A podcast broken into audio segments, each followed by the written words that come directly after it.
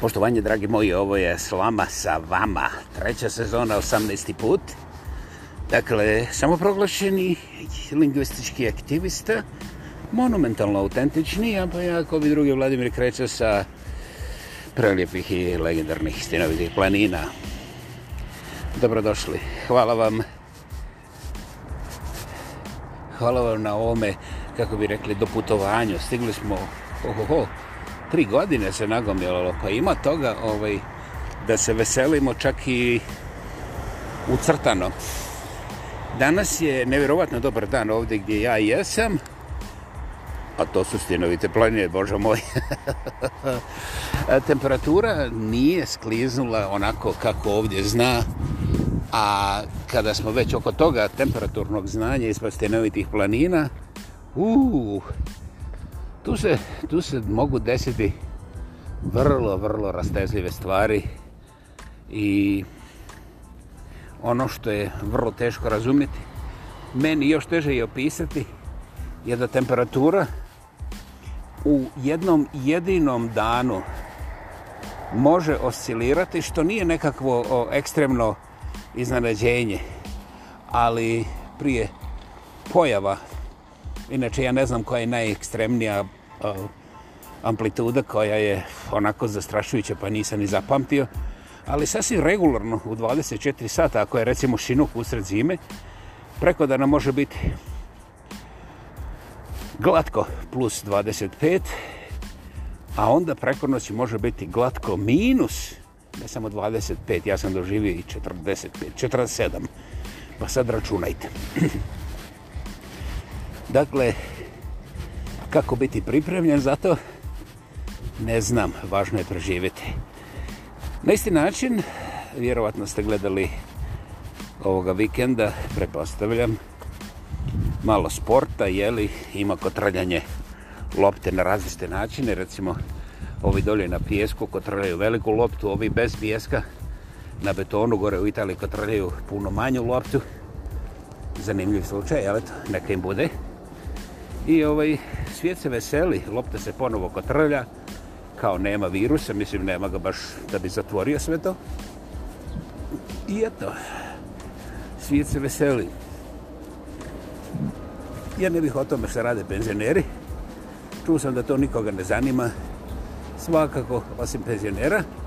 Ali oni su zaboravili čak i kako se zovu, jer, hej, znaš šta, treba preživjeti, pa onda ne gleda se puno na te dekorativne elemente okolo.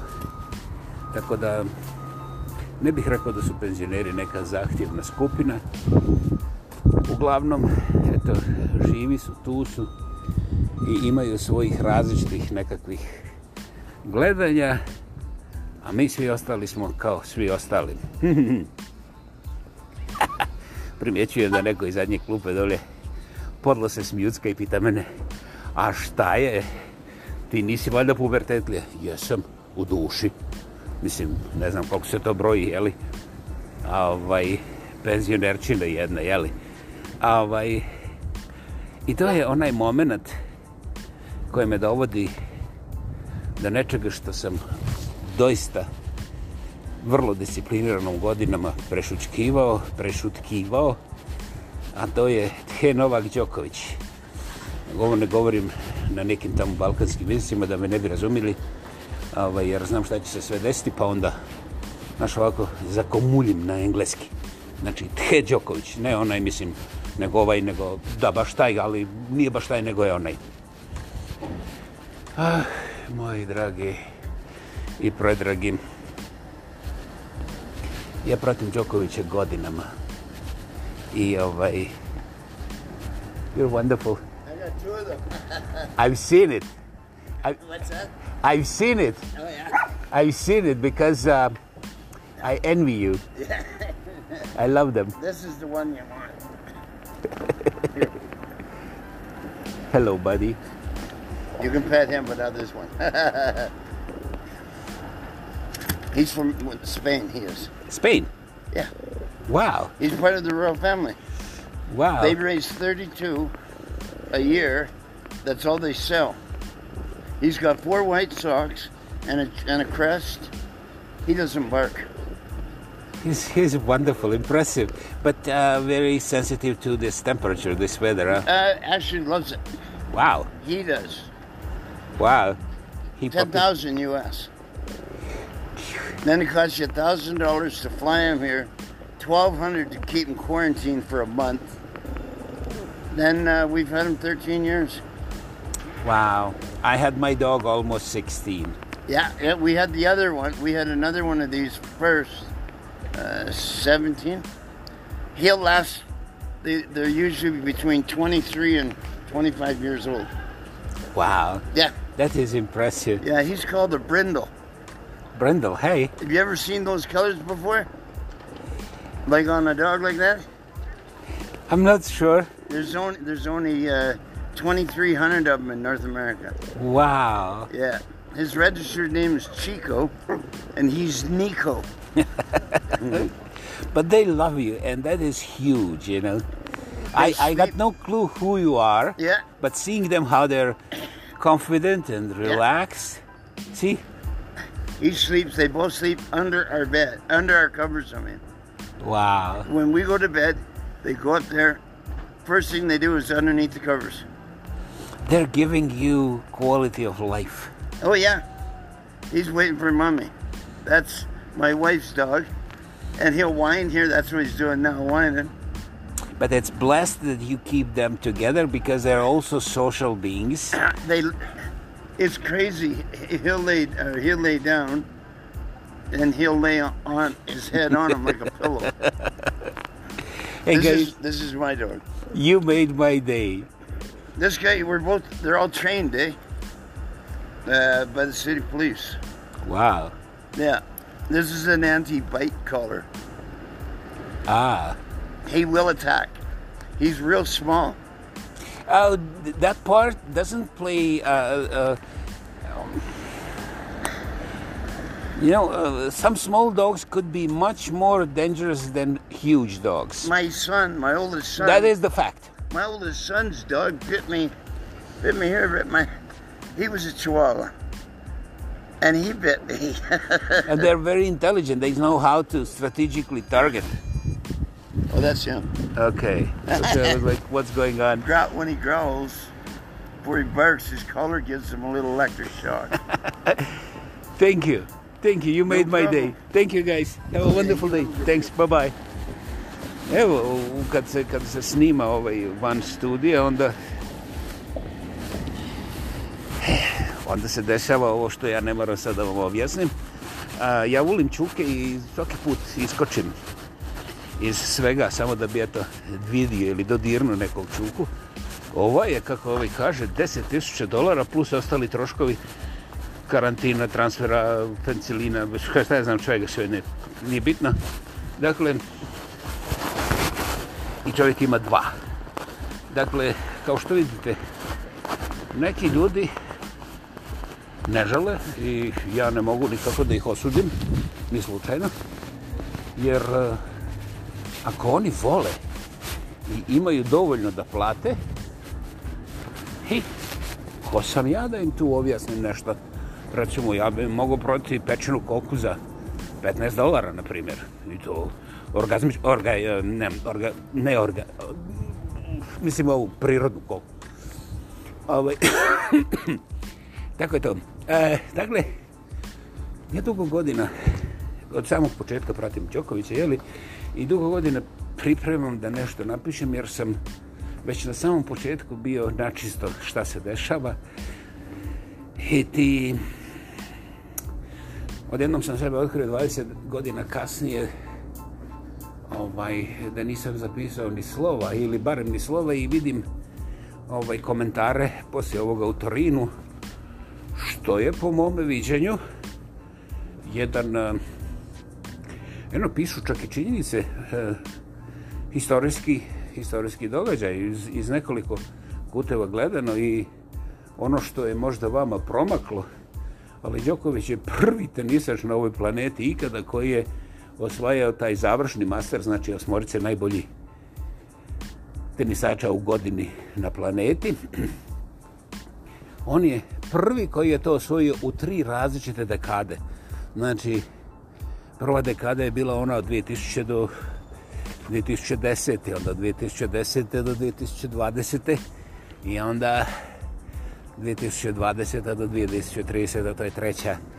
Samo mi se smijete, ja sam to namjerno rekao zato što sam ja umalo propustio njegov prvi prvi uh, trofej iz te serije na završnim turnirima, bio je 2008. godine. Ako sam pogrešio, tužite me i tražite 5 miliona oštete jer ne mogu da platim više.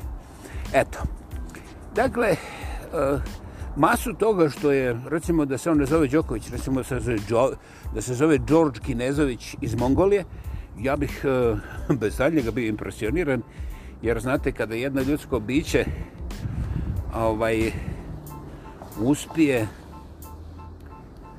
da se dva put popne na istu planinu, ovaj, to je za mene impresivno, jer eh, naš, penjao sam se i penjem se i danas kad mi se ukaže zgoda, pa onda znam da je penjanje na istu planinu, posebno ako ta planina ima te glavne karakteristike planine, znači da je negdje u divljini, da nema asfalta i restorana na vrhu, nego da moraš doslovce da pješačiš barem 5 km. Onda, kažu statistike, da se 80%, ja ne govorim o profesionalcima, niko je vrste usputrečeno, niti govorim o sportašima kao životnom opredeljenju, ja govorim o normalnom svijetu, znači rekreativnom, običnom svijetu. Znači, kada oni odvoje jednu takvu planinu koja je, znači, uspon dulji od 5 km, 80% od njih se nikada više ne vrate na tu planinu. Razloge objasnite vi, ja neću.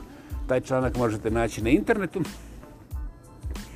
Dakle, ovdje se ne radi o ponovnom usponu na istu planinu, ovaj, nego ovdje se radi o decenijama rada na najvišem nivou ovaj, jednog sporta ove planete. I kažem opet da je Đoković bio mongol, ja bih ga sa oduševljenjem pozdravljio i navio bi za njega, jer, bože moj, kakve nacije, kakve bakrači i ostale zajbancije, njegovo dostignuće ima nevjerovatan... apsolutno nevjerovatan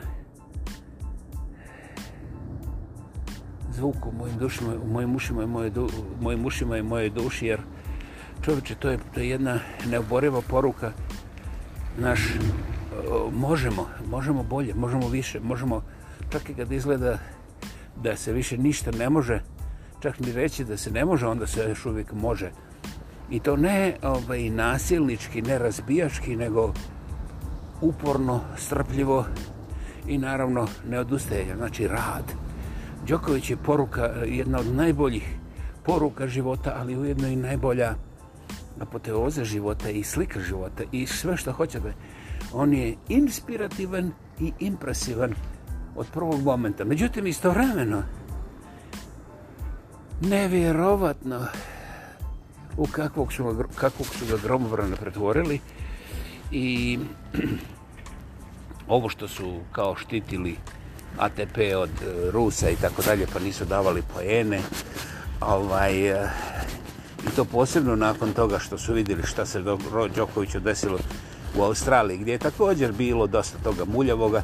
Ja ni slučajno ne optužujem ikoga, ovaj, ne zato što me strah, imam, imam jednu zilion svojih personalnih razloga, međutim, meni je nevjerovatno i zakazati kako niko nije predvidio da poštuje jednog od trojice najboljih ikada u tom sportu i kaže hej, ako mi ne damo poene Rusima zbog toga što su napravili rat, onda u slučaju da neko drugi pobjedi na tome Wimbledonu recimo, ovaj poeni će biti jer ovaj taj nije za Ruse.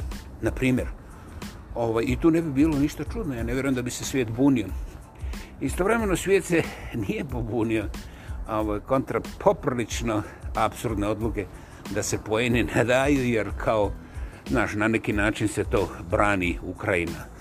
Ovaj, znači, svijet je u jednoj primitivnoj histeriji samoubilačkog karaktera gdje se više ne preza ni od besmisla, bez obzira koliko će moje djece gekruti, Važno je da se ja vama pokakim na ručak. Eto ga, završeno. 1, 2, 3, volimo se svi ili mi ili neki. Ono što godinama prati, ja sam vidio komentare sada kada je Đoković pobjedio, je zapravo ono što ja želim reći. To sam jutro zapisao jednoj gospođi iz Pule i ovaj, onda smo došli do toga da ja govorim ovo i za ovoj podcast.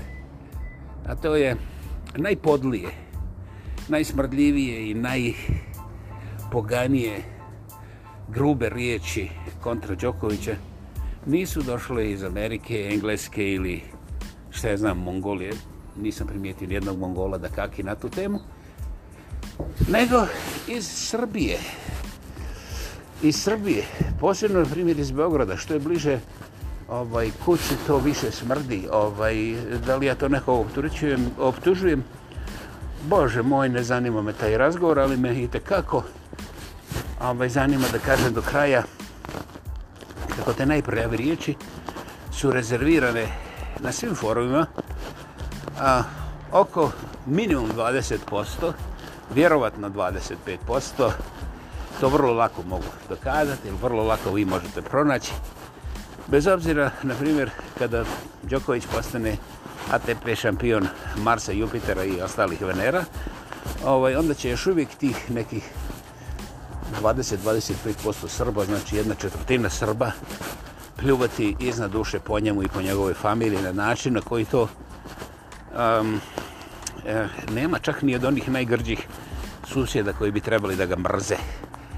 Ovaj, I ja to pratim godinama, znači to nije slučaj samo sa ovom titulom, E, onda kada se sjetim ili prisjetim Australije i znaš šta su mu radili ovi iz ATP i tako dalje, onda ja ne mogu da prešutim da vidim da su ti neki našijenci, vjerovatno iz Beograda, učestvovali i u eliminaciji Đokovića u Australiji, pošto oni svi imaju svoje šampione, da li oni su trač po trač dovukli priču do Australije. E, zapamtite šta sam rekao. A ja, ja znam, vi će svešćete sada po glavi. Ne, Đoković je nije izbacio neki razjereni ustaša, mrzitelj Srba ili bilo šta tome slično.